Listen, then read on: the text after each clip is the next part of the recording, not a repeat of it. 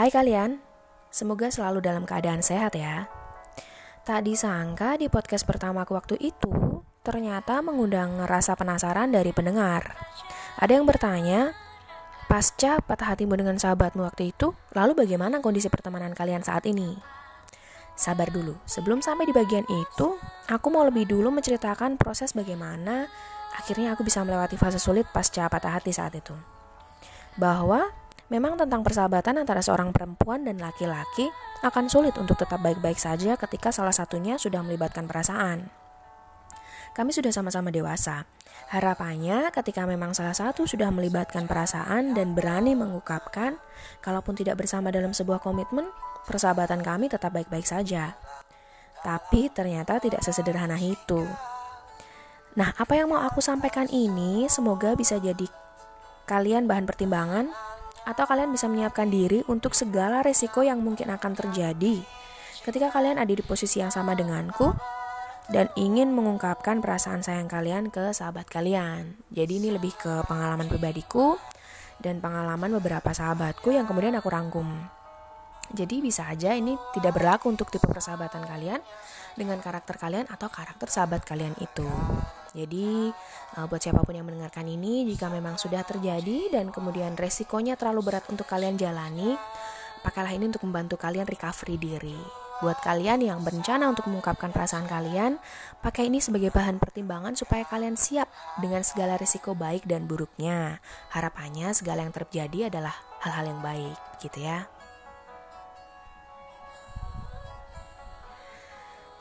Dalam benakku bertanya-tanya, setelah semua yang kami jalani berdua, yang kami alami selama kami saling kenal dan menjadi sangat dekat, apa yang membuat dia tidak berani untuk berkomitmen denganku? Kala itu caranya memperlakukanku membuat rasa nyaman yang lebih dari sekadar persahabatan.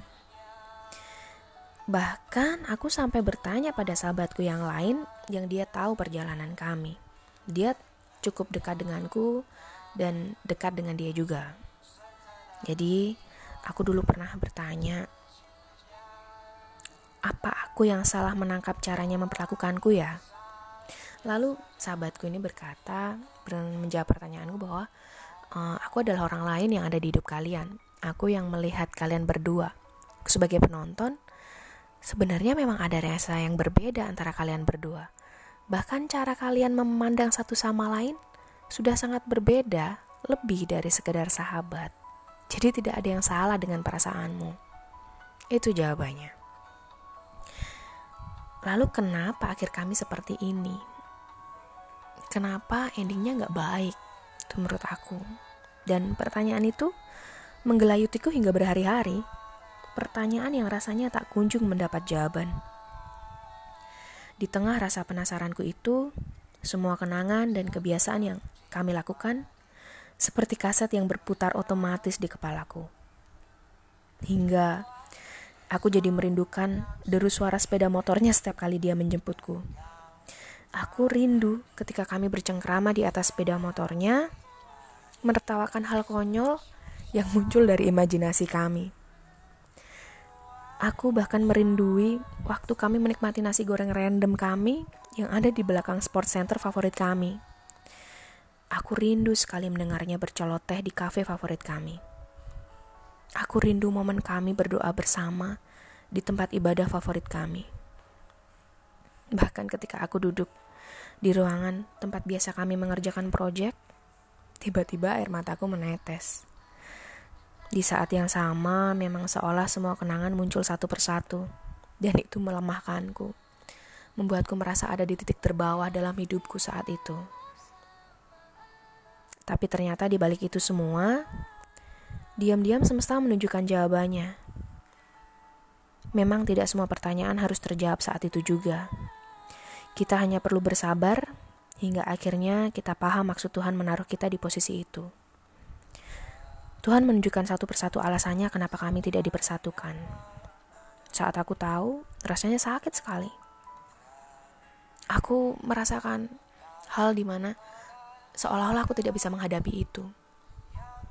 Aku butuhkan orang lain untuk menemaniku melewati ini semua. Rasanya sangat berat, Sakit sekali saat itu. Aku bahkan bertanya pada Tuhan, kalau akhirnya kami harus seperti ini, kenapa Tuhan membiarkanku jatuh cinta begitu dalam pada laki-laki ini? Hingga pelan-pelan, aku mulai bisa menerima keadaan kami saat itu. Aku mulai berani memandangnya sebagai teman baikku, padahal sebelumnya, melihat punggungnya dari kejauhan saja, rasanya sesak sekali. Rasanya ingin berlari memeluk dia dari belakang dan mengatakan bahwa, "Hei, Aku rindu sekali dengan kita yang dulu. Aku masih menyayangimu hingga detik ini. Seperti yang aku katakan di malam aku mengungkapkan perasaanku, bahwa selepas obrolan kami malam itu, aku masih orang yang sama. aku masih akan membawakannya sarapan ketika kami traveling dan menyiapkan vitamin untuknya. Ya, aku begitu paham bahwa badannya begitu ringkih. Dia mudah sakit dan aku tidak mau melihatnya sakit. Sedalam itu.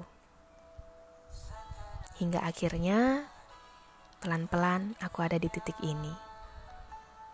Titik di mana akhirnya aku berani mengikhlaskannya. Jadi buat kalian yang sedang berjuang untuk merecovery diri dari patah hati, bersabarlah sedikit sampai kamu mendapatkan jawaban dari Tuhan satu persatu. Kamu akan tahu dan paham kenapa semesta menempatkan kalian di posisi itu. Teruslah berbuat baik. Cintai diri kalian sendiri terlebih dahulu, maka kita akan dipertemukan dengan orang yang baik juga dan akan memperjuangkan kita. Aku ingat pernah menyematkan kalimat ini saat sahabatku berulang tahun dan dia baru saja mengalami hal yang sama denganku. Dia mengalami patah hati yang hebat dengan sahabatnya. Aku mengatakan gini, jika dia yang kamu harapkan hadir saat ini belum ada, belum datang, bawalah dalam doa. Bisa jadi dia akan datang di waktu yang lebih tepat dengan versi dia yang jauh lebih baik atau justru orang lain yang paling tepatlah yang akan hadir. Lalu, ketika aku merasakan hal yang sama, ketika aku di, ada di posisinya ini, dia mengirimkan kalimat itu lagi. Dan dia mengirimkan foto kalimat itu kepadaku di saat patah hatiku kemarin.